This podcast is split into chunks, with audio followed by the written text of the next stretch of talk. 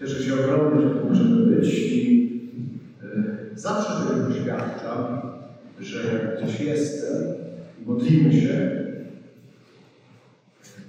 to przychodzi Duch Święty, żeby nas ze sobą jakoś e, połączyć. Bardzo często daje inspirację e, innym, żeby wprowadzić nas wszystkich jakąś tajemnicę, jakąś rzeczywistość, nawet taką, e, o której myśleliśmy właśnie, do której e, nie byliśmy nawet przygotowani jakoś, nie przewidywaliśmy, że coś takiego może się stać. O co mi chodzi? Na przykład bardzo często zespół gra to, co ma grać. Chociaż ja nie mówię, co to ma być, to duch tak prowadzi też mnie samego, żeby nie odsłonić coś, co wydaje się ważne, o czym bym nie powiedział, gdy sam próbowałem, ale e, co zostało przywołane. Taka myśl, która przyszła podczas tej wieści, którą przed chwilą, śpiewaliśmy, e, przypomniałem sobie taką historię, jak kiedyś byłem na takich rekolekcjach na fali wielbienia, e, bo uwielbieni, jak już można powiedzieć, jestem, nie wiem, 20 lat czy coś takiego. I były to jedne z takich pierwszych rekolekcji o. I były na tych rekolekcjach dwie mamy. Jedna taka właśnie wokalistka, pianistka, taka właśnie, która się zajmowała uwielbieniem. I druga taka Magda ze Splendana. I w pewnym momencie ta Magda ze Splendana podchodzi do mnie artystki i mówi tak. Ty myślisz, że uwielbiasz. Druga pewna zrobiała trochę, tak? tak? Uśmiechnęła się. Ta pierwsza to on Ciebie uwielbia. I jak śpiewaliśmy to, to tak naprawdę zachęciło mnie do coś, co też chcę powiedzieć w tej konferencji, do tego, żebyśmy już od początku nauczyli się zmieniać perspektywę. Z tej perspektywy ludzkiej, z tego, co tylko naszym ludzkim uchem słyszymy, czy ludzkim okiem widzimy, na perspektywę Pana Boga. To, co czytamy w Izajasza w 55 rozdziale, 8-9 wers. Moje myśli nie są waszymi myślami, ani moje drogi nie są waszymi drogami. Niebo góruje nad ziemią, tak moje myśli nad waszymi myślami moje drogi nad waszymi drogami. To jest bardzo ważna odpowiedź na modlitwie, to jest bardzo ważna odpowiedź w życiu duchowym. To jest też bardzo ważna odpowiedź o tego tematu, który dzisiaj e, będę poruszał w konferencji. Jak ja patrzę, jak ja słyszę, co tu właściwie się dzieje, albo co tu jest ważne, co tu jest pierwsze, co tu jest podstawowe, co tu jest zasadnicze. Czy to, co ja słyszę, co słyszy Bóg, czy to, co ja mówię, czy to, co mówi Bóg, na czym się koncentruję, na co zwracam uwagę, ale też to jest podpowiedź, co jest w moim sercu, czego pragnie moje serce. Bo bardzo często czytamy Słowo Boże i gdy tylko po ludzku je słyszymy, gdy tylko po ludzku na nie patrzymy, wywołuje.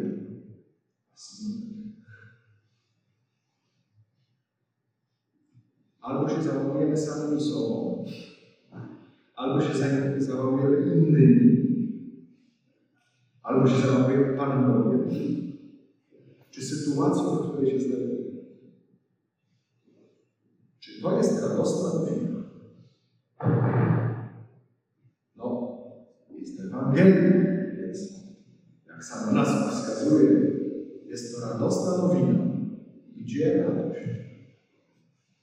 Jeszcze w naszej polskiej mentalności, która polega, jak zastanowiłem przez chwilę, czy tu powiedzieć w tym kościele, ale taki jest czas, tak, jak górale to budowali, a to jest dowcip góralski. Że wychodzi góra przed chałupę, i mówi, jak pięknie, a echo z przyzwyczajenia, mać, mać.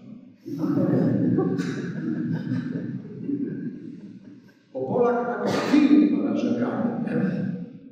Jeżeli ja narzekam, to i tak postrzegam świat. Cokolwiek by się wydarzyło, ja w tym widzę problem. Nie szukam dobrej, radosnej nowiny, nie szukam Ewangelii, tylko złej nowiny. Jak jest źle, jak jest ciężko, jak jest beznadziejnie. Mamy tak? Każdy sam musi zobaczyć, czy nie ma takiego nastawienia. I wtedy cokolwiek, ktokolwiek by mówił, czy robił, gwiazdkę z nieba mi to ja nie umiem tego zobaczyć jako coś dobrego dla mnie. To jest taki midrasz o Mojżeszu. Jak Izraelici, znaczy nie było o Polakach, to jak Izraelici traktowani. Mojżesz. Mojżesz miał taki czas, że wstawał bardzo rano i zbierał mannę, która spadała. Co mówili Izraelici? O, wstaje wcześniej, żeby sobie najlepsze kąski pozbierać. Potem wstawał później. Co mówili? Tak się wczoraj ogrzał, że się nie chciało wstać, dopiero teraz wstał. chodził środkiem obozu, mówili, o, tak środkiem, żeby się tak nam pokazać. Chodził naokoło, gardził nami. Nie ma tak? Jest coś takiego, taka skaza w naszym sercu, tym samym w naszym postrzeganiu rzeczywistości, postrzeganiu innych ludzi, które są jak takie pęknięcie.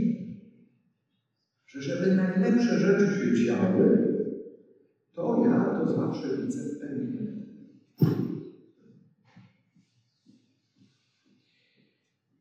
I przechodząc do tego tematu, który sobie zadaliśmy, ja sobie zadałem, a was wciągnę. Czyli wiara na trudne czasy. Każdy niech sam teraz przez chwilę pomyśli, słyszy takie zdanie. Wiara na trudne czasy. Które z tych słów słyszy najmocniej?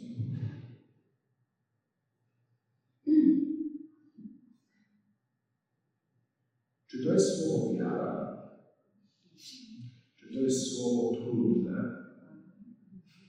Trudne czasy? Czy to jest konfrontacja, wiara, trudne czasy, walka, zmaganie?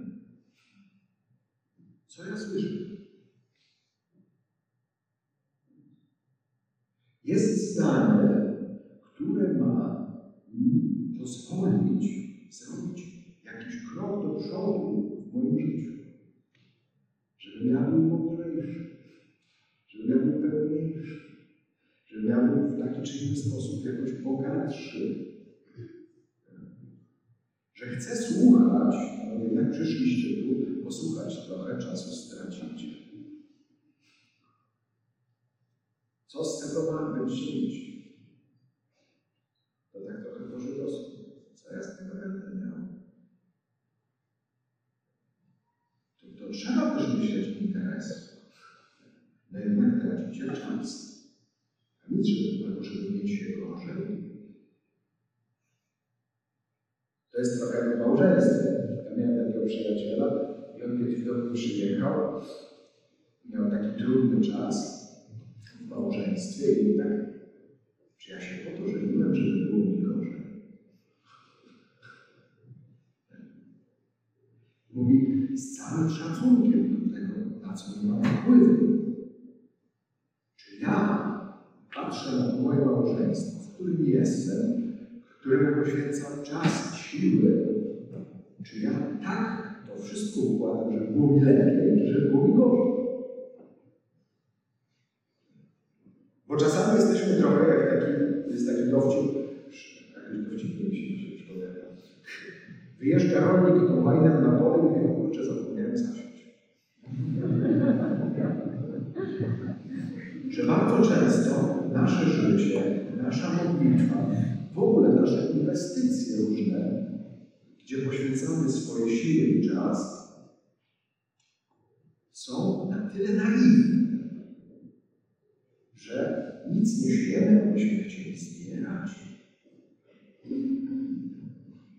Co ja wkładam w to? I nie chodzi mi tylko o taką perspektywę, powinieneś więcej wkładać. Nie. W ogóle jest wcześniej. Jak ty o tym myślisz? Razu przyznam, może to jest egoistyczne. Przełożyłem sobie to, co on powiedział na swoje. Czy ja po to wstępowałem do zakonu, żeby było? I z całym szacunkiem, bo też są takie sfery w życiu zakonnym, że nie masz tego wpływu, przełożenie decydują coś tam, coś. Ale okej, okay, to nie mam, nie sięgam, ale to, co sięgam, co robię? Z tym czasem, który mam, z tymi siłami, które mam. No oczywiście mogę ale nie da się. Ale co? Próbowałem się. Trochę jak jest to przysłowie, kto chce szuka sposobów, kto nie chce powodów. Czy w ogóle coś tu jeszcze się dzieje? Ale to jest w każdej sytuacji. Widzę tu trochę młodzieży. No. Często jak młodych ludzi spotykam, pytam, co chcesz w życiu robić. Coraz więcej przyznam, spotykam takich, co wiedzą. W moim pokoleniu nikt nie wiedział. W naturalnej klasie na początku przynajmniej naturalnej nikt nie wiedział, że dalej tyle studia. Teraz już gimnazjum trzeba pójść. Gimnazjum że nas nie ma. Ale już, już wcześniej jest to myślenie. Czasami spotykam młodych ludzi i oni mi mówią, to chcę, to chcę i już nawet wiedzą, jak to zrobię. Ale jest też takie grono, które nie. Ile z nich samych sobie zadaje pytanie, a ile się z takiego mówienia nauczyło do rodziców? Nie wiem, co to jest. No bo taki młody patrzy, że rodzice już o nic dawno nie chodzi. Ani do siebie nawzajem w małżeństwie, ani w tym, co robią w pracy, w innych zaangażowaniach. A przynajmniej widzą, że nie mają radości z tego, co robią. Że poświęcają siły, czas różnym rzeczom, a w ogóle ich nie cieszy. No owszem, są rzeczy smutne, są rzeczy trudne, są niewesołe, ale są też takie, gdzie można by się uśmiechnąć. Ale nie. Gdzieś to nas przygniata. I to się dzieje naprawdę już w naszej głowie, czy w naszym sercu, na poziomie słuchania tego, co odbieramy w tym świecie. Jeżeli, tak jak mówicie, w większości przynajmniej tak zgłaszaliście, że słowo trudne czy trudne czasy jest Wam bliższe niż na przykład słowo wiara w tym tytule. Ja bym dalej podążył trochę, a jak słyszycie trudne czy trudne czasy, to co w Was dzieje? No to jeszcze nie koniec. Może być tak trudne. Aha, no to w takim razie muszę się. Ale to mało tak ma. Jest to znaczy trudne to rezygnacja. To nie jest inspiracja, to jest rezygnacja. Jeszcze nic się nie wydarzyło. No to co? No, trudne czasy. Co to znaczy? W perspektywie takiej kościelnej, religijnej, bardzo często trudne czasy łączą się z ostatecznymi czasami. Co jest dobrą intuicją, nawiasem mówiąc. Tylko często, myślimy czasy ostateczne, to myślimy o końcu świata. A z Biblii bardzo jasno wynika, że czasy ostateczne to są czasy po śmierci i zmartwychwstaniu Pana Jezusa. Czyli od dwóch tysięcy lat są te czasy. I jak czytamy, żeby nie być grosłownym, choć drugi list do Tymoteusza, trzeci rozdział, to tobą tam napisane. Wiedz o tym, że w dniach ostatecznych nastaną trudne czasy. I dalej. Ludzie będą samolubni, rozkochani w pieniądzu, chełpliwi, wynośni, bluźnierczy, nieposłuszni rodzicom, niewdzięczni, niegodziwi, nieczuli, nieprzejednani, skorzy do oszczerstw, niepohamowani, okrutni, gardzący tym, co dobre, zdradzieccy, bezmyślni, nadęci, kochający przyjemności bardziej niż Boga, stwarzający pozory pobożności, lecz będący zaprzeczeniem jej mocy. Takich ludzi unikaj. Pisze święty Paweł do Tymoteusza. To jest pierwszy wiek. Nie było takich ludzi za czasów Tymoteusza, jeżeli on mówi takich unikaj. I byli w drugim wieku, trzecim, piątym, dziesiątym, dwudziestym i teraz dwudziestym pierwszym I będą dwudziestym drugim i dwudziestym piątym, w którym tam nie wiele nam Pan da. Będą. Może nawet, bo trochę ja się też odnajduję w niektórych rzeczach. Jest Jestem. To jest przejaw trudnych czasów. Co to znaczy trudnych czasów? To, że cały czas diabeł działa w tym świecie.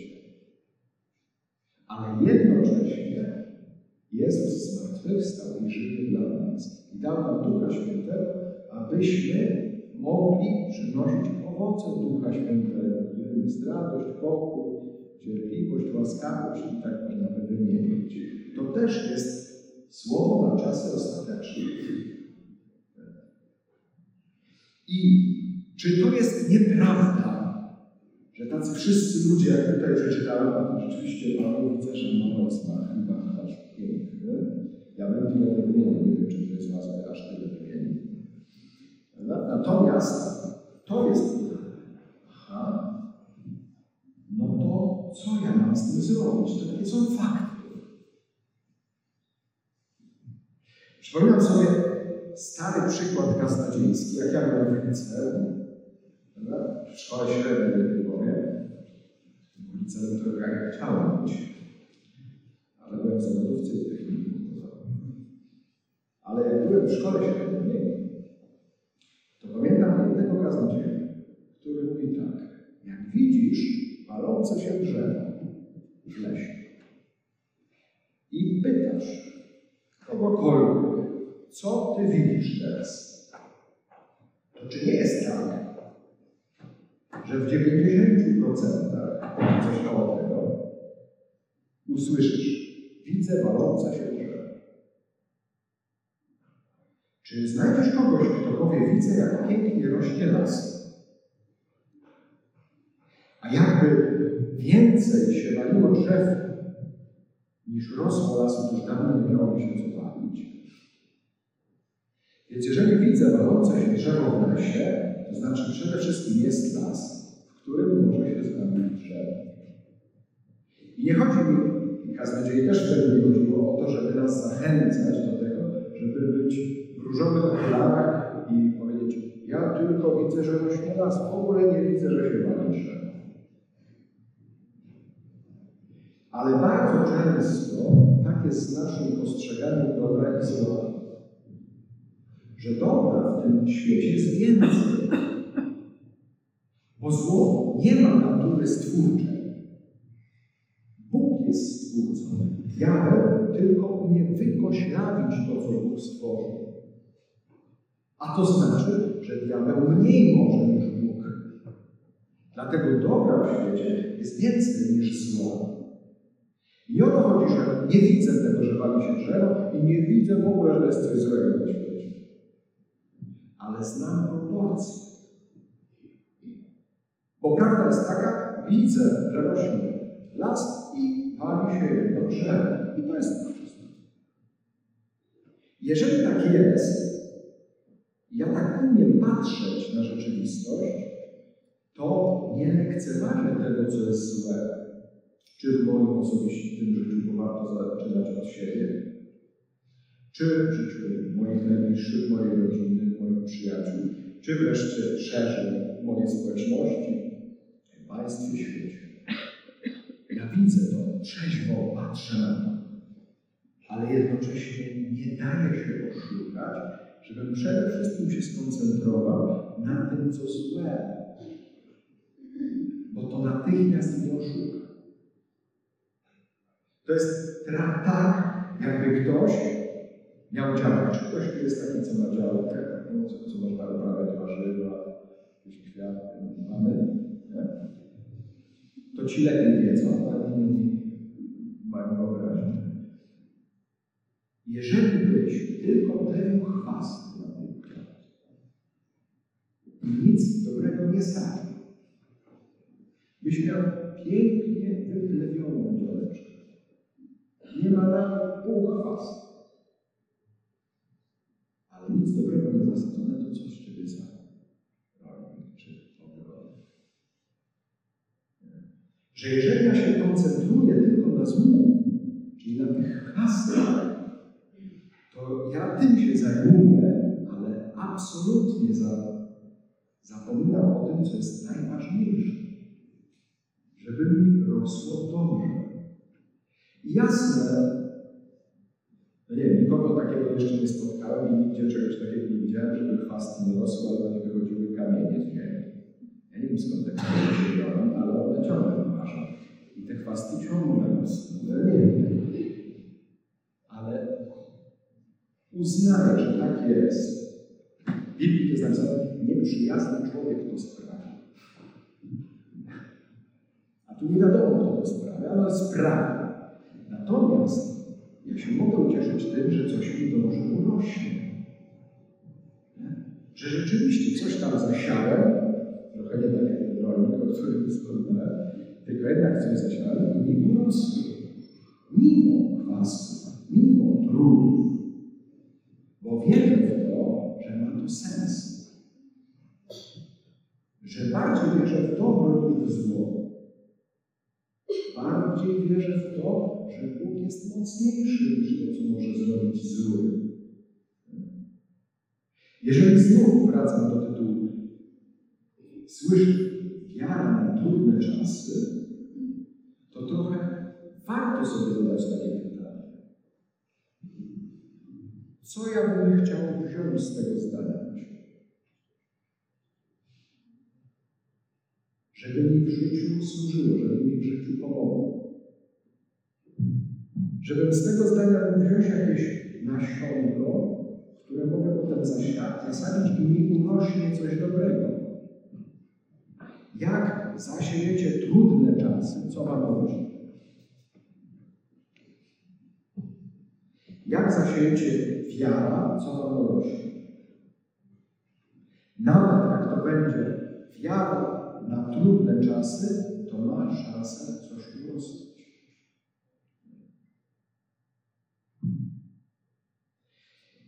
Jasne, że ja w tym też widzę, że my sobie wiele rzeczy sami robimy, czyli że sami robimy sobie kuchnię.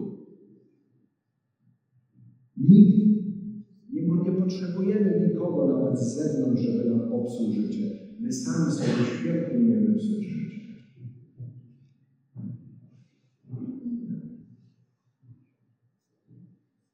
Taka prawda o nas. Tylko, że co? Czy ja wtedy tylko się mogę sobą załamać?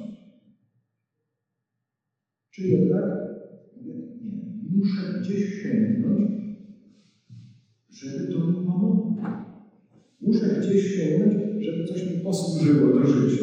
Nie? Muszę, nawet interesowo patrząc, coś zrobić, żeby był szczęśliwszy. Co to jest? Nie wiem, jak wy to słyszycie, ale jak słyszycie wiara, z czym wam się kojarzy?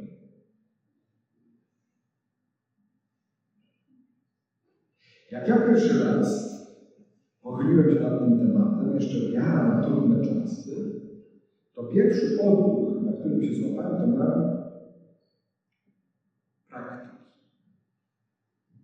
Co ja mam robić? Jeżeli mam trudne czasy, no to żeby wiara zwyciężyła, to co ja mam robić? I przede wszystkim koncentrowałem się na praktykach. Nie wiem, chodzić do kościoła, mam się modlić, nie wiem, co wybieram, różaniec, koronkę do Miłosierdzia Bożego, modlitwę do Michała Archanioła, co jeszcze? No, więcej muszę, no, jak tu mam trudne czasy, które mnie atakują, to teraz moją odpowiedzią jest wiara, czyli ja muszę coś robić, żeby przeciwstawić się temu. A potem dopiero przychodzi mi do głowy proste zdanie z listu do Rzymu, czyli 10 werset 17, 10 rozdział 17 werset. Wiara rodzi się z tego, co się słyszy. Wiara na trudne czasy. Ona rodzi się z tego, co się słyszy. I dalej. A tym, co się słyszy, jest Słowo Chrystusa. Czyli odpowiedzią na trudne czasy jest Słowo Chrystusa, które ja mam przyjmować, którego ja mam słuchać. Co, co? Jak to robić?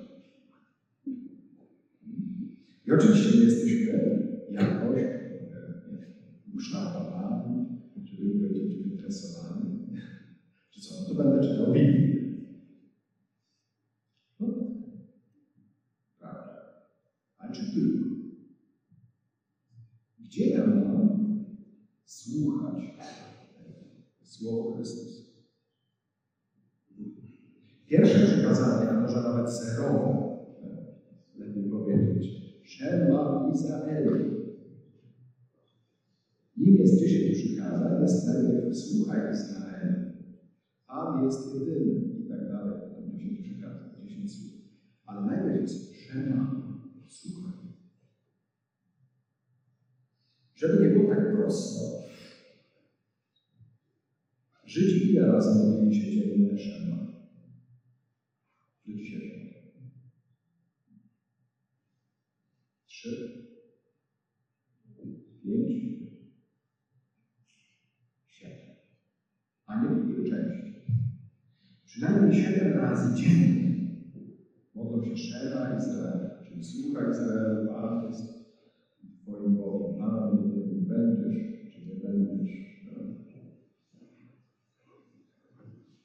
I przychodzi Jezus, Słowo wcielone, a oni modlą się siedem razy na dzień, nie rozpoznają.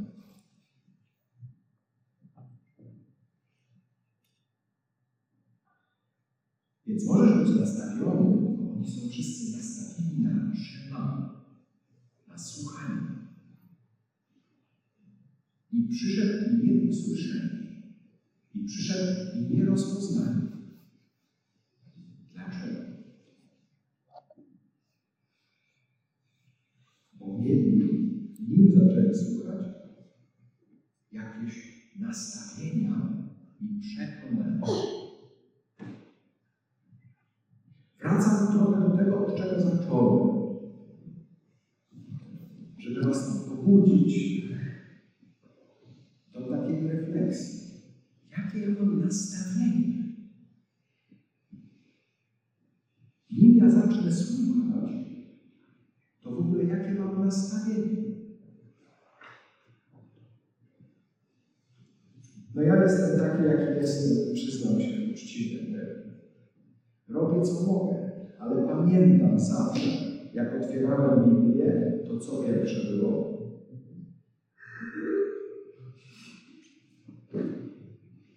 Od razu ziemia.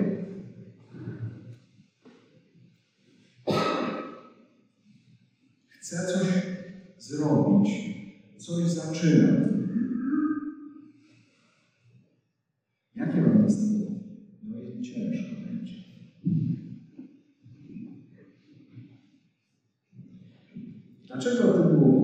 Dzisiaj rano wstałem tak o piątej, poszedłem do kaplicy, adoracją i mam wrażenie, że Pan Jezus się ze mnie śmieje. To jest wrażenie oczywiście. Nie, to nawet objawienie prywatne.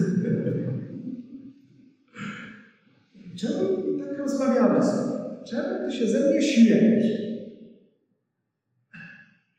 A on mi tak mówi, w sercu to czytał. Bo ty na mnie patrzysz, bo ja patrzyłem na monstrancję. Bo a on, bo ty na mnie patrzysz, jakbym był Jezusem frasobliwym. Że siedzę w wieczerniowej koronie. Więc jak ty mnie takiego widzisz, chociaż mnie nie widzisz, to już masz takiego mnie tam w środku, to ty też siedzisz na tej modlitwie, nie siedzisz tu już 40 minut czy więcej, nie widziałem nawet pół twojego uśmiechu, że się cieszysz na mój widok. Tylko już też siedzisz tak jak ja, nie sobie nie wyobrażasz, jak Jezus pracowniczy w tej ziemia. Mówisz tym różaniec. Jakby ktoś Cię pytał, lubisz różaniec, to byś powiedział, że lubisz. Ale odnaleźć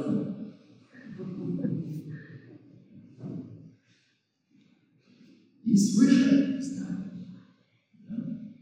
Przyszedłem, aby owce miały życie i miały je w obfitości. Ale jak ty możesz przyjąć życie i przyjąć obfitości, jak myślisz?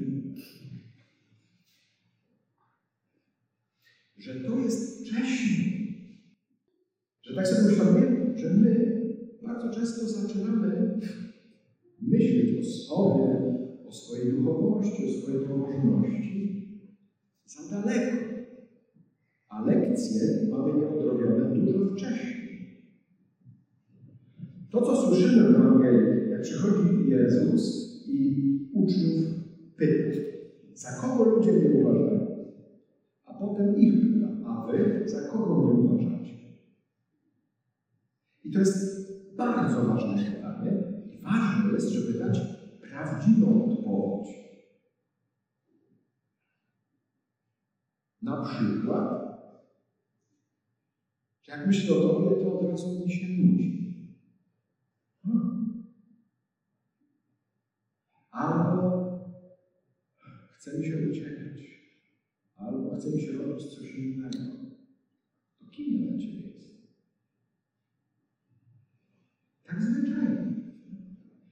Jak nawet mu tak powiem, z ręką na sercu, to on się nie obraża. Bo dla Pana Jezusa, jak słyszy trudne czasy, czyli że mam trudne czasy z Tobą, bo Ty mnie widzisz jakoś koślawo. W ogóle nieprawdziwe. Ty mówisz, że są trudne czasy, to ja z Tobą mam trudne czasy.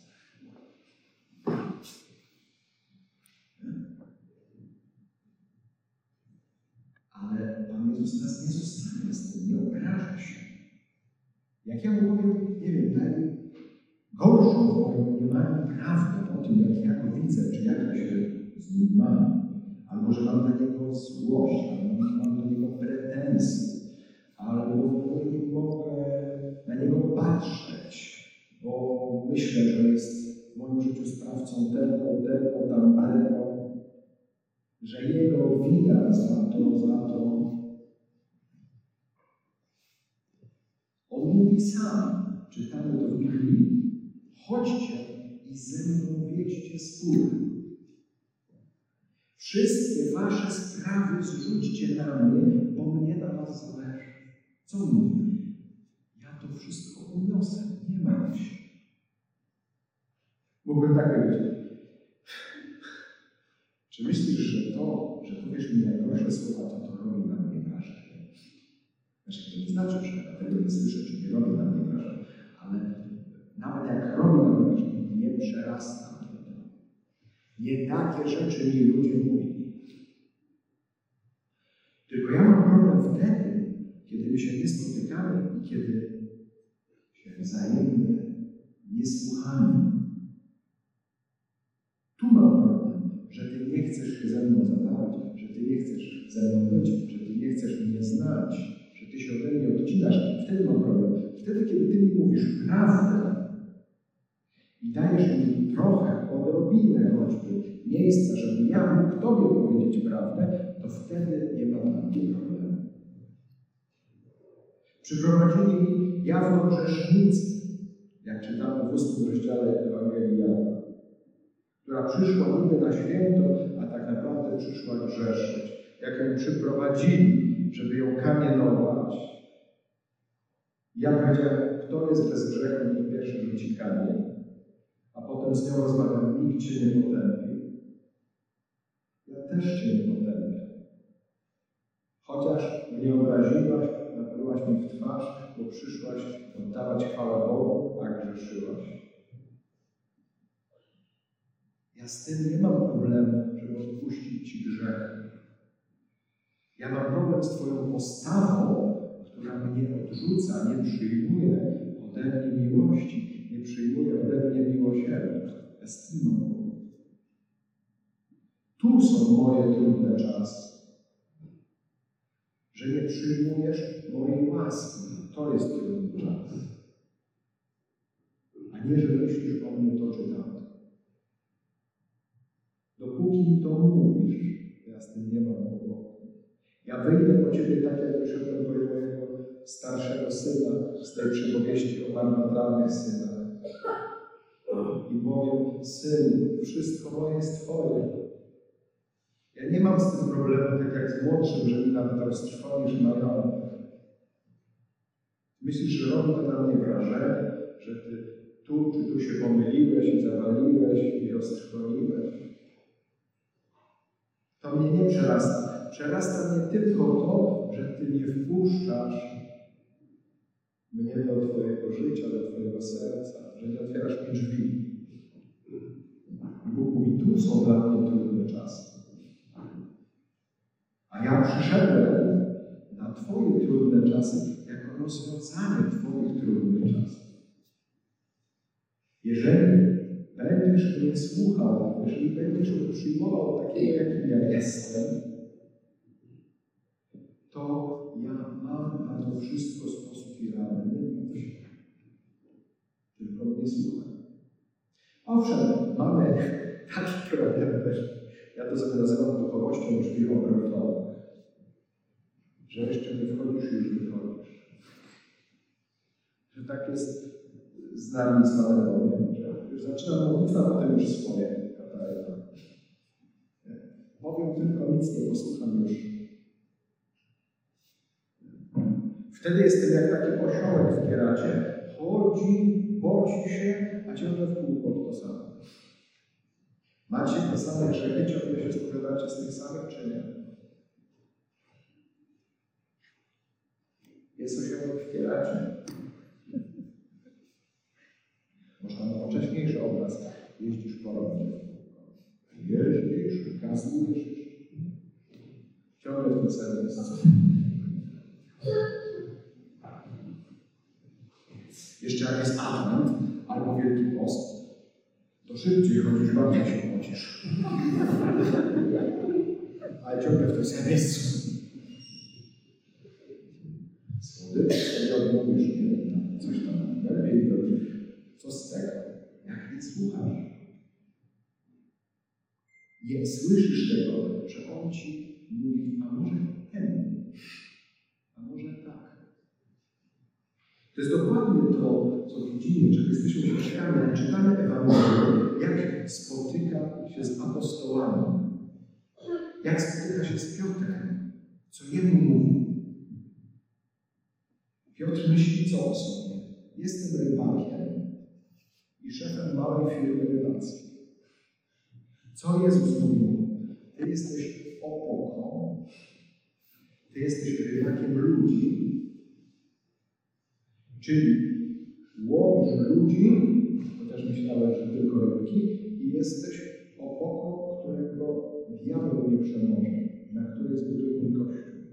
Skąd Piotr może to wiedzieć? Tylko stąd, jak będzie go słuchał. Jak przychodzi Natanael i mówi, czy może być z Nazaretu coś dobrego? A Jezus mówi mu, widziałem Cię pod drzewem figowym. Nie wiem, czy mieliście kiedyś takie doświadczenie, że Pan Bóg przychodzi i robi Ci tak, że mówisz, Pozwólcie, że o sobie powiem. Ja pamiętam do zakonu, jak my tak, takich spotkań białych, jak się przywitaliśmy tutaj z księdzem czarnym z białym. Więc ja wcześniej też znałem tylko takich normalnych księży. Nagle spotkałem takiego białego, prawda, jednego, drugiego, i zrobili na mnie wrażenie. Coś tam czuję, że może przynajmniej zobaczyć. Nie? no to tam napisałem, to przyjdź do Poznania, z Ostrowca Świętokrzyskiego, Świętokrzyskie, a Poznań, no Owszem, byłem kiedyś w ale z innych spraw. Natomiast jechać gdzieś do Poznania, do jakichś białych, nie wiadomo kto to jest. To na pewno jest jakaś sekta. Jak ja tam pojadę, to mnie tak zmanipulują. Nie. Muszę się przygotować. Główkowałem dwa miesiące. Po dwóch miesiącach główkowałem, wygłówkowałem, że jeżeli tam pojadę ten biały mi powie, to jest najlepszy zakon na świecie, albo jak mi powie, to jest dla Ciebie, to na pewno to jest sekta trzeba uciekać. I z tą mądrością pojechałem. Ten ojciec nie miał dla mnie dni czasu. Wiedziałem, co on Sobocie. Chodziłem potem troszkę, czytałem wszystkie książki, mi się wydawało, które były tam na półce. Modliłem się już za wszystkie czasy. Wreszcie wieczorem przychodzi nowicjusz i mówi, to tam ojciec czeka. Ja idę. Nie zdążyłem usiąść, wszedłem tylko przez drzwi, a i słyszę tak, wiesz co, to nie jest najlepszy zakon na świecie, może to dla Ciebie jest.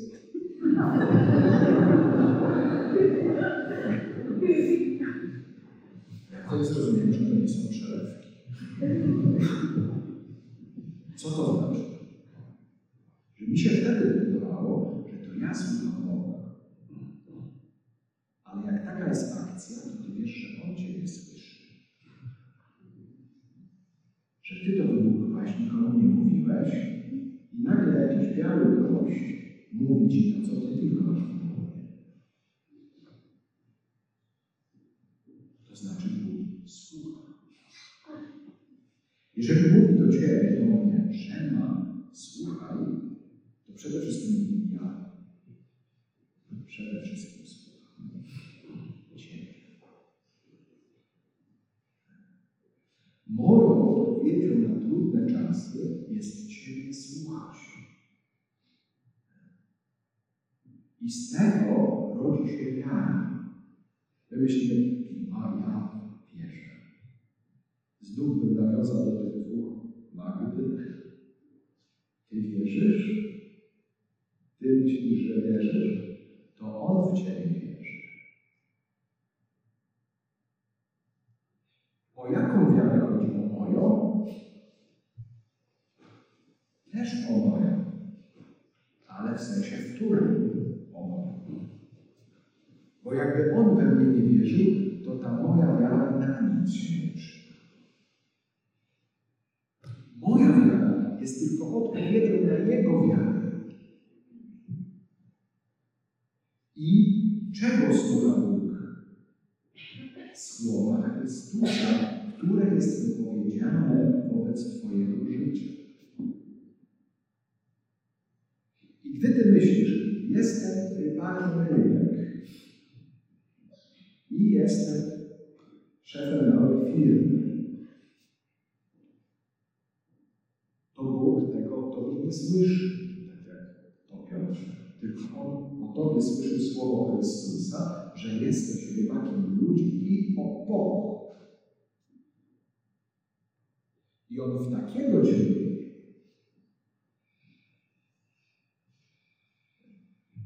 Czy my wierzymy czy tylko nasze wyobrażenie? Czy my kochamy Boga, czy kochamy tylko nasze wyobrażenie?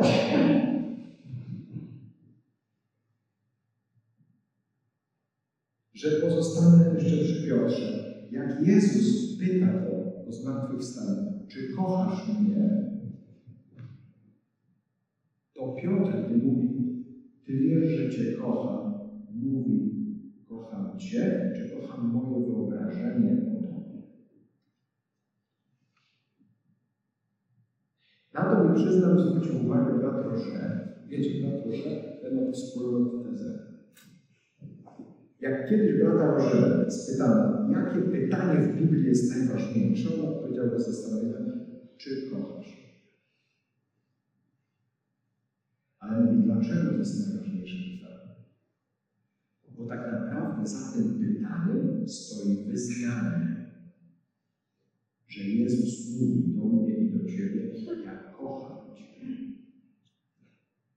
Tylko, że mówi, ja nie kocham mojego wyobrażenia na Twój temat. Tylko ja kocham Ciebie takim, jakim Ty jesteś.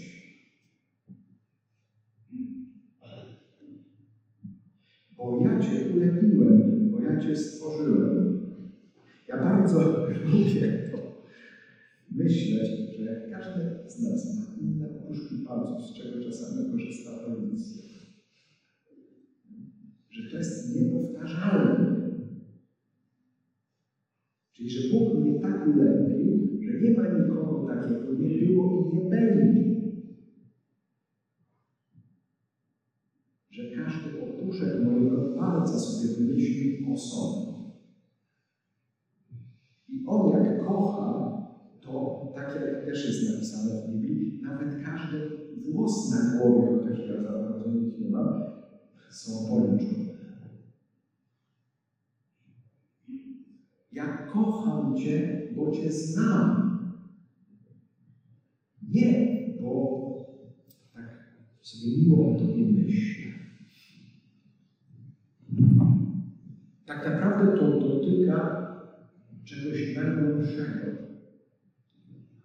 To była dla mnie, przyznam, eureka. No, taka nie, może niezbyt miła eureka. Jak zobaczyłem, że to, z czym my mamy problem, to jest z taką ufnością, że ktoś na tym świecie może mnie pokochać takiego, jakim ja jestem. Że generalnie mam takie przeświadczenie gdzieś tam z Bogu, że jak ja bym się pokazał i przyznał do wszystkiego, co we mnie jest, to na pewno mnie nie pokocha. Że ja taki, jaki jestem, nie nadaje się nikomu do kochania. Dlatego tak się ruszamy trochę, tak chcemy z lepszego profilu się pokazać, tak trochę udajemy, trochę wchodzimy w taką grę pozorów. Nie dlatego, że chcemy, tylko że tak wielki jest lęk i obawa w nas, że taki, jaki ja jestem, taka, jaka jestem, takiej mnie nie można chcieć.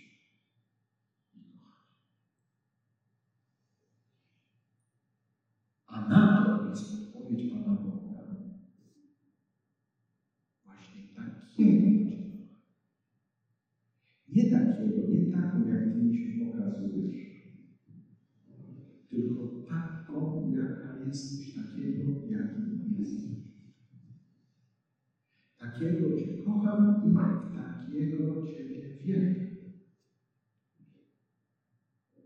I mówię do Ciebie, słuchaj mnie, bo ja mam Ci do opowiedzenia o Tobie i o Twoim życiu dużo większe rzeczy, niż kiedykolwiek Ci przyszły do głowy.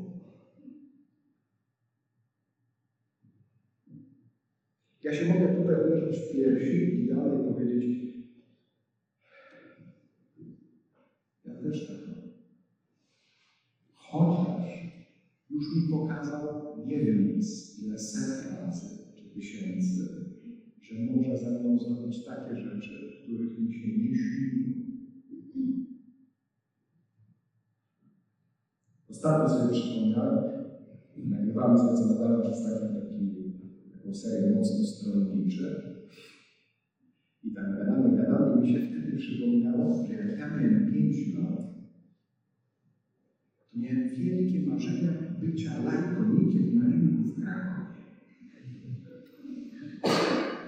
To było moje super marzenie. Jak byłem już dominikaninem na piątym roku, nagle przychodzi reżyser taki krakowski i mówi, potrzebuję lajkonika. A ja na to inaczej. Naprawdę byłem lajkonikiem na Krakowie. Ja zrobiłem ileś lat musiałem poczekać, ale to może ten 5 lat się właśnie spełniło. Mnie w tego konia, To było w ogóle super. Ja nie wiedziałem, na co się decyduje, to jest co innego. On mi potem, jak ja już się ubrałem w to wszystko, kazał biegać. Widzicie, jak ja że po co ja mam być tym lajnowym, za późno spiewałem. A on mówi tak, bo jest bieg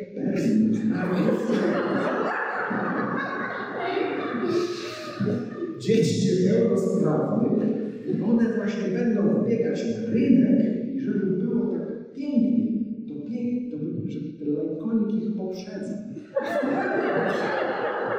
Więc wyobrażacie sobie te wybiegane dzieci, które biegną z.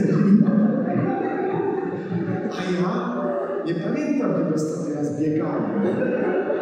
W tych butach takich, koniu, w czapce z tą brodą, żeby mnie tylko nie wyprzedziły, ja pierwszy.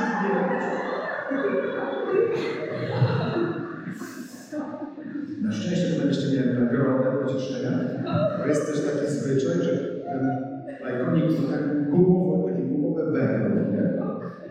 I wtedy chodził tam po rynku i bije po głowie berło i życzy szczęścia. Więc ja spotkałem na rynku księdza kanonika Fidelusa, naszego proboszcza. A on nie mógł mnie poznać. Ja absolutnie bezkarnie biłem go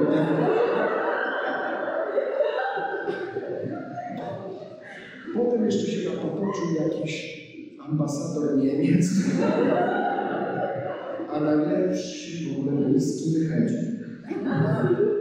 Łysy głowy, deglany, nie? Siedzą sobie, piją piwo na ławce. I ja podchodzę, taki lajkonik, która to jest groźny. Tych łysych głowach. Ile tylko sił, nie? I w tym momencie ja tam palnąłem. I to dokładnie będzie jak tu wy siedzicie drzwi na kamienicy. I tam miałem tam. Więc szybko wskoczyłem, zdjąłem tego konia, ten, wszystko założyłem habit, wychodzę dosłownie pół minuty. Oni trzymają się za głowy. Co, bolą główki? I oni słyszą ten sam głos, a widzą kogoś innego. Mieli objawienie. Cieszę się, że się śmiejecie. Bo Pan Bóg naprawdę spełnia takie rzeczy, że my czasami, tak jak Pan z tym moim doświadczeniem z Krokicy, myślimy, że Pan Bóg jest taki frasobliwy, tylko i poważny. A On często się z nas śmieje. Że my tacy frasobliwi. i poważni, a to w ogóle jest inna sprawa. Czy my takiego chcemy go znać? Czy ja kiedyś, jak jeździłem na Radę Blues? W młodym wieku, włosy, takie rzeczy, i patrzyłem tam spod tej sceny, tak, z otwartymi ustami, jak tam grał Jerem, czy Nocna Zmiana Bluesa, czy jakiś zespół Czy ja kiedyś mógłbym pomyśleć, że ja będę stał na tej scenie w spotku i prowadził wielbienie dla kilkunastu tysięcy ludzi.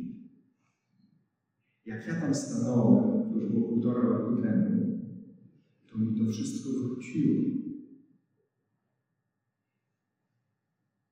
Ja nawet nie śmiałbym marzyć o tym.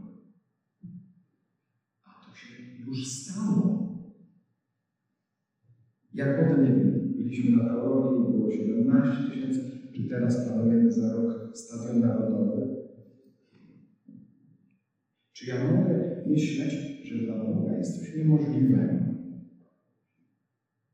Wydawałoby się, że nie, ale bije się w piersi, pomaga na zmianę, że ma być dalej cierpień na to stan.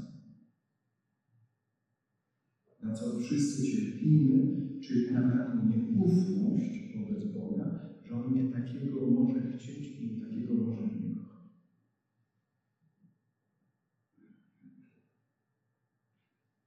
Tak naprawdę o to chodzi na trudne czasy. Nie o to, że są trudne czasy. Nie o to nawet, że jest wiara. Bo tak jak czytamy w hymnie o miłości, jest wiara, nadzieja i miłość, a miłość jest największa. I wiara się skończy, i wszystko się skończy, a zostanie tylko miłość. Bo ten świat jest stworzony z miłości i dla miłości. I czy o to chodzi, żeby nie widzieć, że się takie czy inne złe rzeczy dzieją? Nie, bo nie chodzi o to, żeby być naiwnym. Jak czytamy Ewangelię, widzimy, Pan Jezus nie jest naiwny. Ale nigdy nie zrezygnuje z miłości. Nigdy nie zrezygnuje z pytania wobec mnie, Ciebie, czy kochasz mnie? I nigdy nie zrezygnuje z wyznania wobec mnie, wobec Ciebie, ja kocham Cię. Już na koniec, żeby Was nie zamęczyć, jeszcze jedno. Ja jako kaznodzieja lubię prowokować moich braci.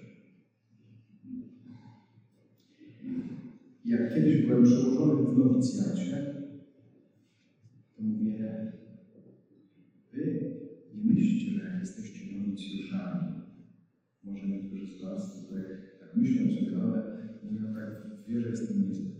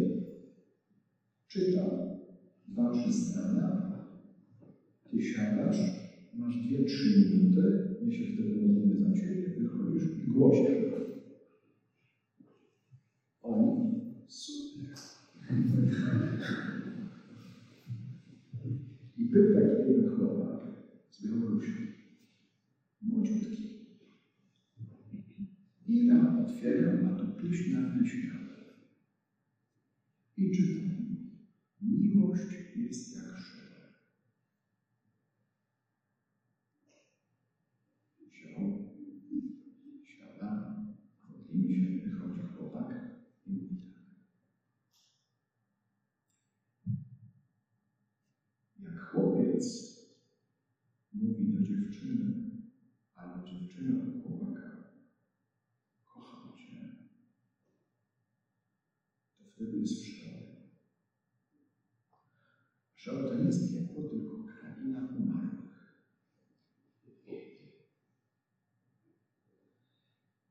Więc jak mówisz kocham cię,